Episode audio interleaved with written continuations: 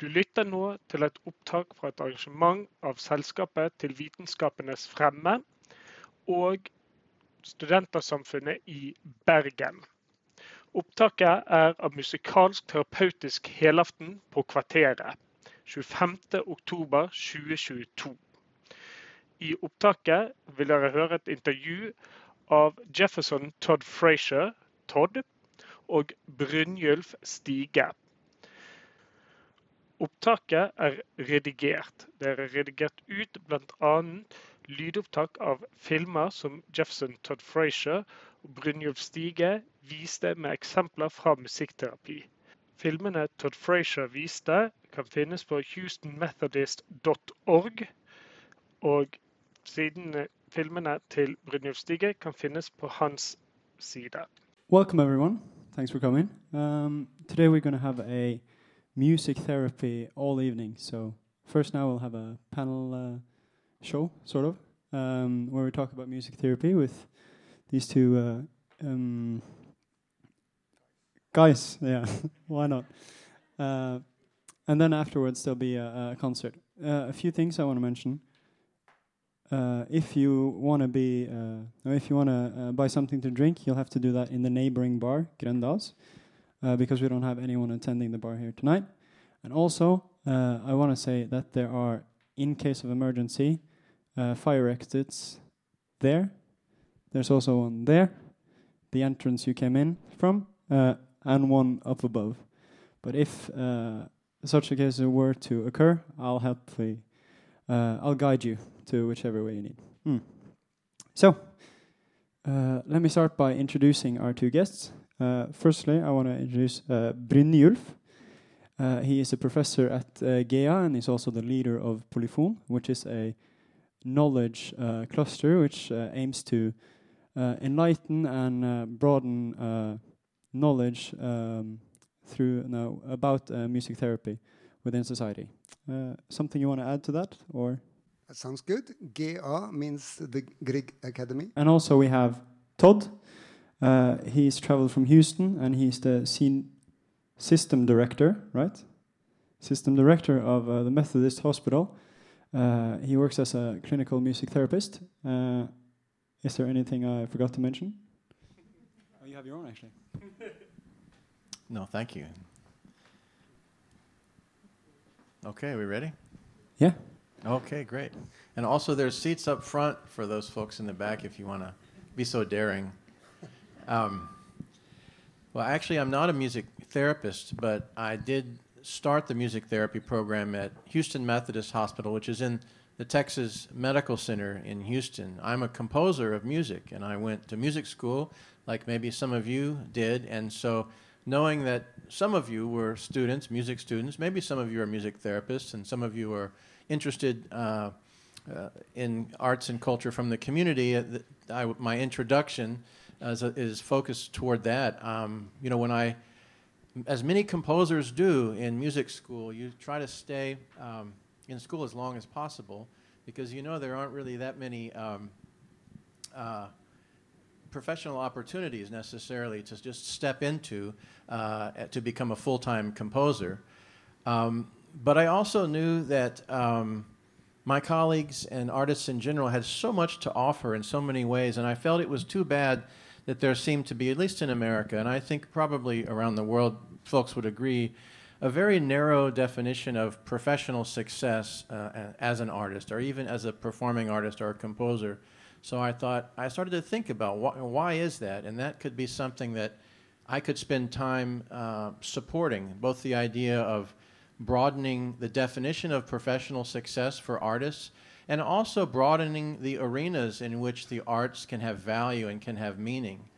So those two blended together uh, led me to think, how can I make a career um, uh, supporting actively those two things? And in Houston, we're very lucky to have a very strong uh, medical center. It's in fact the largest medical center in the world in Houston very, very strong arts community uh, as well, and education community. So I started putting those three groups together, which, interestingly enough, didn't really talk to either talk to each other that much. Um, and I found through that um, the arts were being share, shared a few ways uh, in the education and in medical communities through music therapy.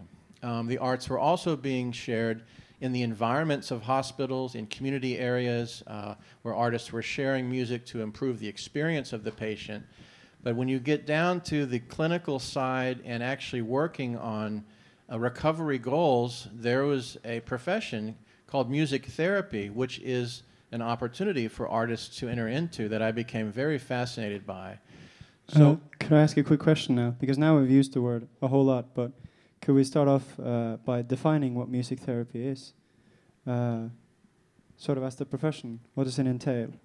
Well, I'll I'll I'll say what what my answer is, but this is really uh, he is a music therapist and an expert, but a music music therapist creates a, a therapeutic, uh, um, a, a, one-on-one or in a group setting, a therapeutic relationship uh, with their client or with their patient, and that's really s- sets it apart just in that definition from music you might have off the shelf listening to or music that you might even hear in a live setting, but you don't have that um, individualized um, therapeutic relationship.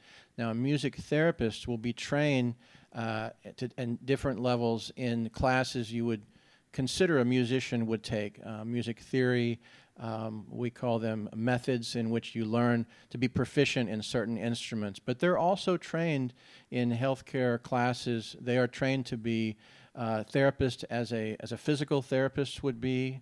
Uh, they're trained in a in neurologic way as a neurologic therapist or psychotherapist might be. So they're trained to be a therapist from the mental health to more of the physiological side, but then to use those stimulating and motivational tools that you find in the arts uh, as their unique tools to achieve their clinical goals.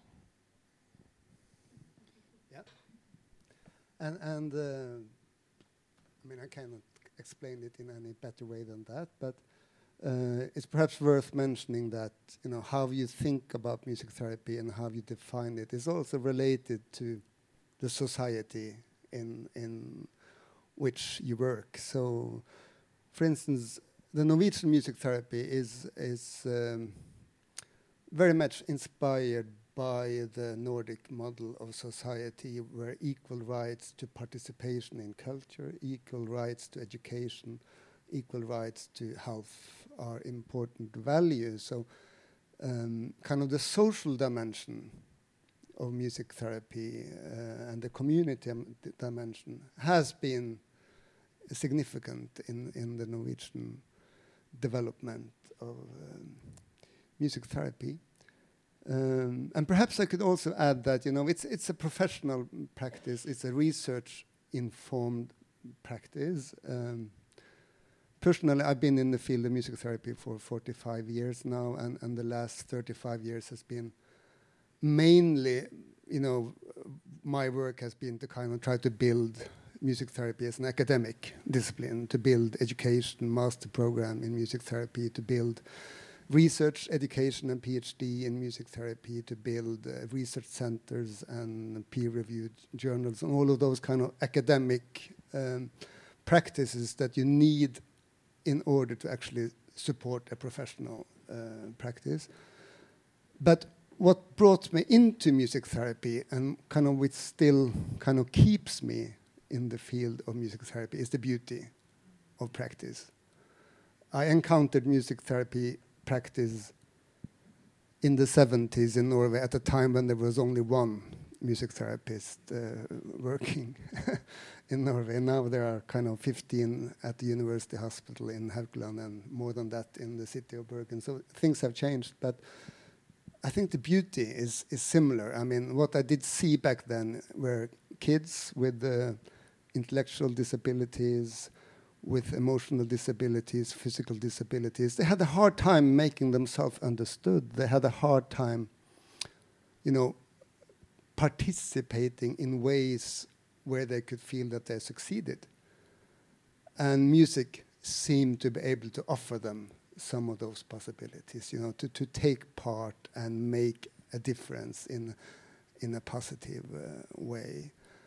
And when I see this today with you know older people with dementia or uh, some person with substance abuse problems or mental health problems, and you see that music gives them possibilities to, to feel successful and to take part and make a positive difference.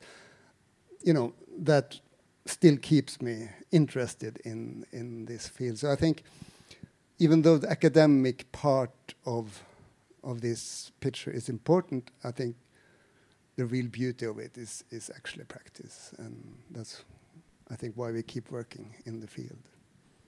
Yeah, I'm glad you mentioned the research side, and um, each of us came prepared with a few videos if it made sense, and I, I could segue to my first video by telling you that there are certain procedures that we do uh, understand very well neurologically. One, um, in music therapy, we call it MIT or melodic intonation therapy, and oftentimes in our in our inpatient rehab, a patient who have a stroke will not be responding well to traditional speech therapy, so they'll be referred to our music therapist, who then often will use the technique of tapping with their left hand. The idea is to prime the frontal right lobe with the idea of melody and rhythm um, being initiated from the frontal right lobe, which is accompanying to speech. Although speech might have a primary area in the frontal left lobe, which might be where you have damage. But in this priming and then a melodic approach to speech, they're training for the frontal right lobe to initiate speech, which has been associated. And through that channel, oftentimes the patient will even surprise themselves and be able to sing out a phrase. So I'd like to show you this short one minute video of, of this happens every day in our inpatient rehab. And this was a patient um, who was uh, being assessed to see if this therapy would work. And then, even in the same session, starting to work on functional phrases uh, that you can see ends up, he even surprises himself that he can say. So let's see if this. Uh, so I don't know if any of you students could imagine yourself doing that for your days, but we have three job openings at Houston Methodist for music therapists. But it's also an, a wonderful segue uh, to the expert on the stage, and and part of what I'm wanting to learn from here and from Bergen is is we're trying to be able to discharge patients who have had a very positive interaction with music and a positive interaction with music therapy into community settings, community clinic settings, into private practice settings, where they can continue to find a home through music and support uh, their their mental health uh, progress as well as their physical rehabilitation process. And I know that's something that um, you all specialize here. And I want to segue now to uh, Dr. Brynjulf and really appreciate him being supportive of my, my visit to Bergen. Yes, that's because I'm learning from having you visiting here. Uh, if you guys don't learn, at least we learn from each other. Uh, that's a really interesting differences between your place and, and Bergen, where, where um, music therapy in neuro rehabilitation and in somatic medicine is much more developed in Houston than in, in Bergen. Um, while we perhaps have a stronger tradition within kind of community settings. Um, so I wanted to start with showing you a short video of, um, from a mental health setting. Um, the Salvation Army in Oslo, actually having a place called Stede. Uh, and you could also see a kind of typical uh, approach to music therapy in this country where you would not necessarily work directly with symptoms, but perhaps more indirectly. You would work, work with people's strengths, people's resources, uh, identity, possibilities for participation, and kind of build build health uh, in in that way. So uh, the first the first video is about identity. So I guess you have seen now some of the similarities and some of the differences between the two music therapy traditions.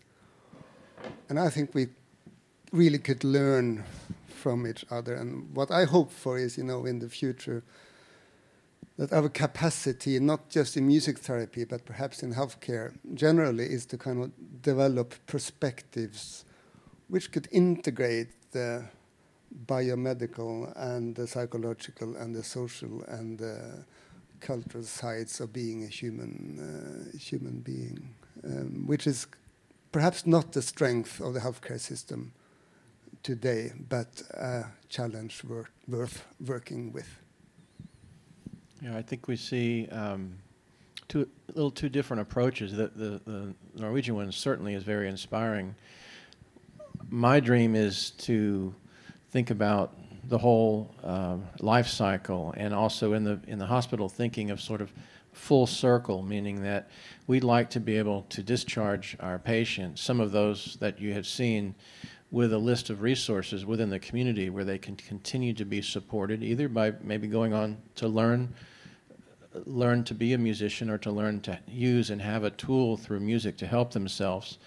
Our challenge is that a lot of times when a patient through the psychiatric clinic or even through a rehab area is discharged, we really lose touch with them. And that seems to be one of the most dangerous things because a lot of times in our um, inpatient psychiatric clinic, they get readmitted, which means we're not doing a good enough job.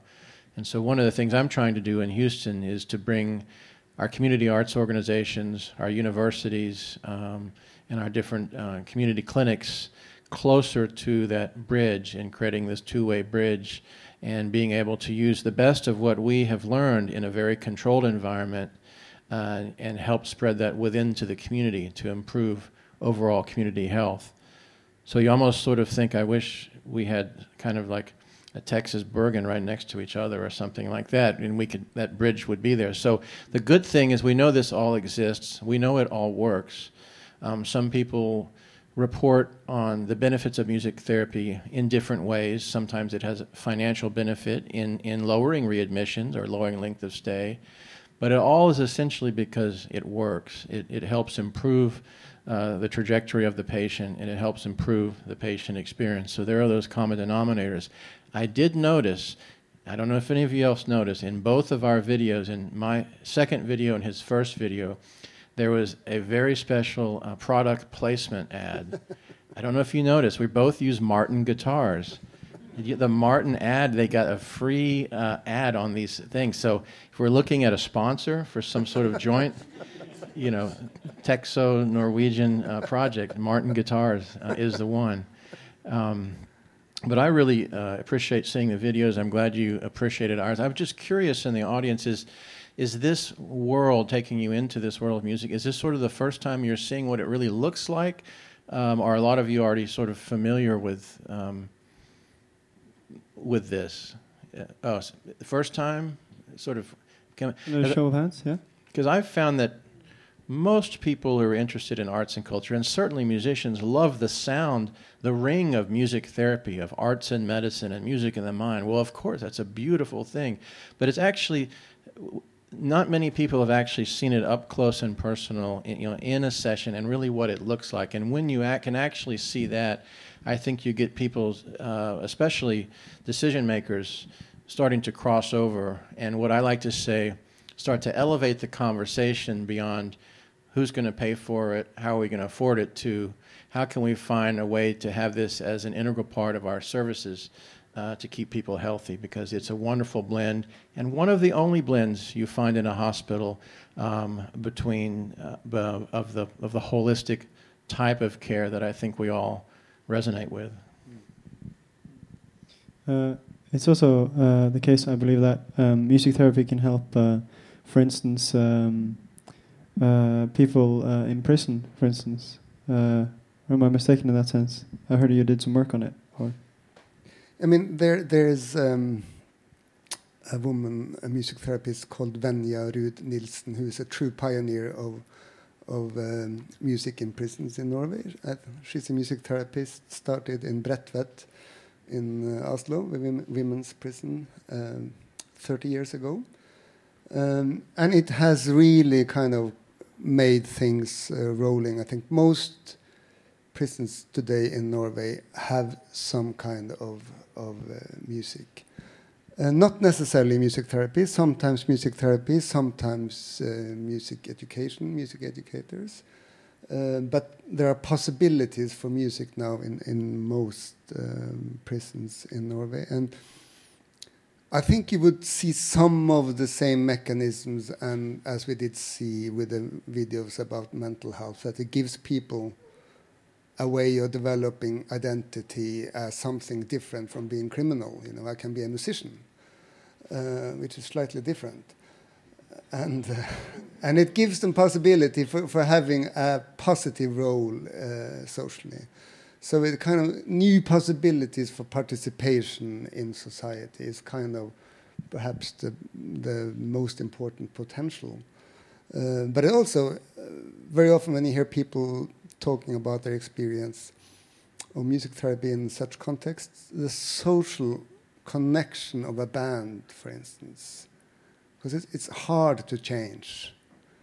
And you start optimistically, and then you find out how difficult it is to change your life. And but then the fact that you actually belong to a band and they wait for you next Tuesday, or you're supposed to meet the same guys, and it kind of it, it connects you to a goal. It connects you to a um, obligation, so to say, um, commitment.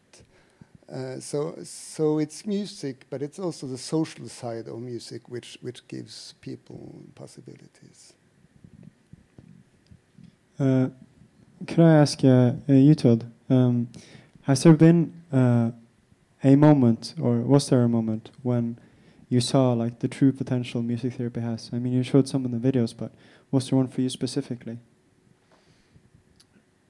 Well, that's a good question. I um, I suppose it was, uh, it was in a similar way, seeing the transformational effect it can have on the organization of time for young children who might have learning disabilities. I, when I first left um, music school, I decided I wanted to do something to safeguard the role of music education in American uh, K through 12 schools because a lot of the big school districts were cutting all of their music program based on budgets, and I just thought that was horrible. you know, do we are we proud to be graduating? You know, high school students who, not that they have been exposed to music, maybe decided not to be musicians. It's not about creating professional musicians, but I think we all know just to be exposed to it for some people can be a very valuable thing in their in their development. So. That's when I was putting together, looking at challenges within school systems and putting taking the music therapist from the children's hospital, the teaching artist from the artist community, and trying to help classroom teachers. And when we were helping the, the, the special education students, their main um, goal was to help to find a way to help de- develop their attention span. As an aside, that was also the main goal of all of the other regular teachers in, in their classes. but in the special education classes, um, we developed uh, a sort of tactile, rhythm based, melodic based, uh, back and forth, group, call and response, all these sort of techniques to teach um, both functional skills and then and basic numbers and counting and things like that. But when you see a child that in a traditional situation seems as though they can't grasp onto reality enough to be uh, in, in, a position that's conducive to learning, all of a sudden um, almost step into the light in a way, in, in, a way that the music, I can just describe it as what I saw. The music seemed to organize time in a way for some of these young people where they could actually finally come to the table and, and look at you. Uh, and maybe it was that their default state was chaotic with all the sounds around them and the outside, and they were having trouble processing because it was it was over processing. And music created a focus and a rhythm and an expectation that organized time that brought them into a place more conducive to learning. And I said, "That's incredible. There's something important here, and these young people deserve." to have a chance to realize their full potential and then so that set me set me out on that path so it's very different than what I'm doing now in the hospital. It's an adult a hospital setting, um, but it's hard to not be compelled by something that really could change a, a young child's life. And so, for me, that blend blended the um, the science part also with the beauty and power of music that we all feel and sense. And when we really think about it, we experience it every day in what we do. And the idea of being part of a of an of a effort to harness that and learn how to use it, um, you know, was really compelling to me. Uh, we actually only have time for uh, one final question. So I would like to ask the both of you: Have you heard any good music recently? What will your recommendations be?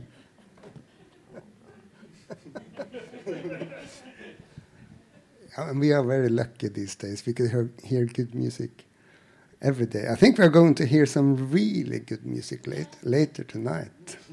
So I'm really looking forward to that.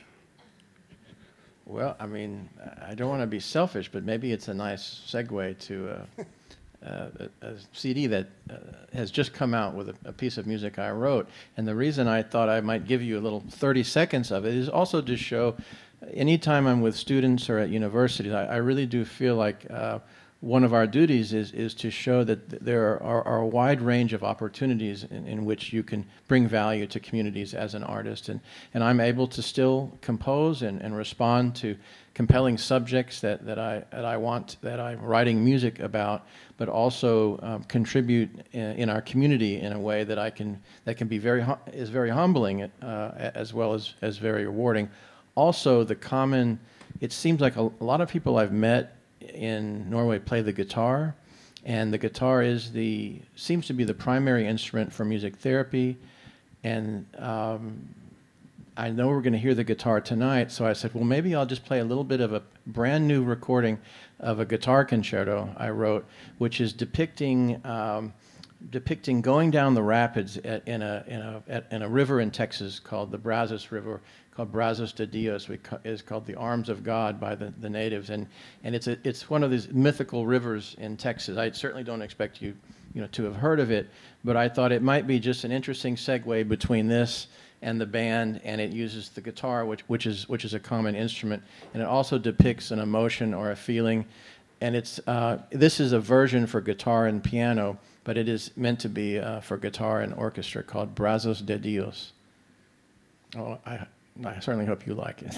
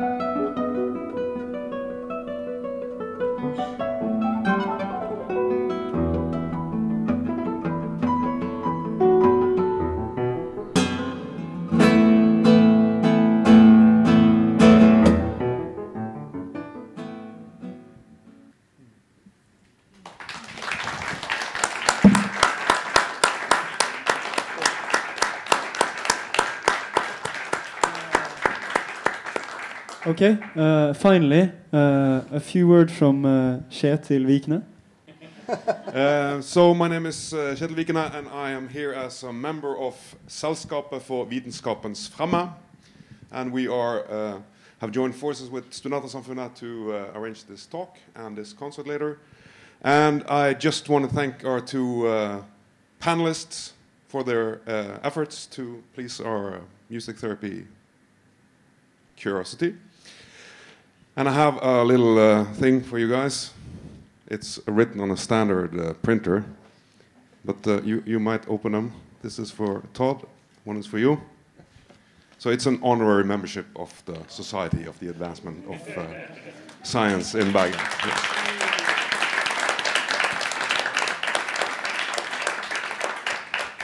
Okay. for one year.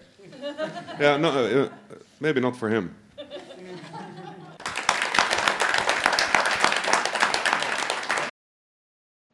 Har nå lyttet til et arrangement av Selskapet til vitenskapenes fremme. Du har hørt Brynjulf Stige, som er professor ved ved UiB og leder for Polyfon, kunnskapsklynge for musikkterapi, og Jefferson Todd Frazier, komponist og direktør ved Center for Performing Arts Medicine ved Houston Methodist Hospital i Texas. Opptaket er redigert av Ingjerd Pilskog, førsteamanuensis i naturfag ved Høgskolen på Vestlandet.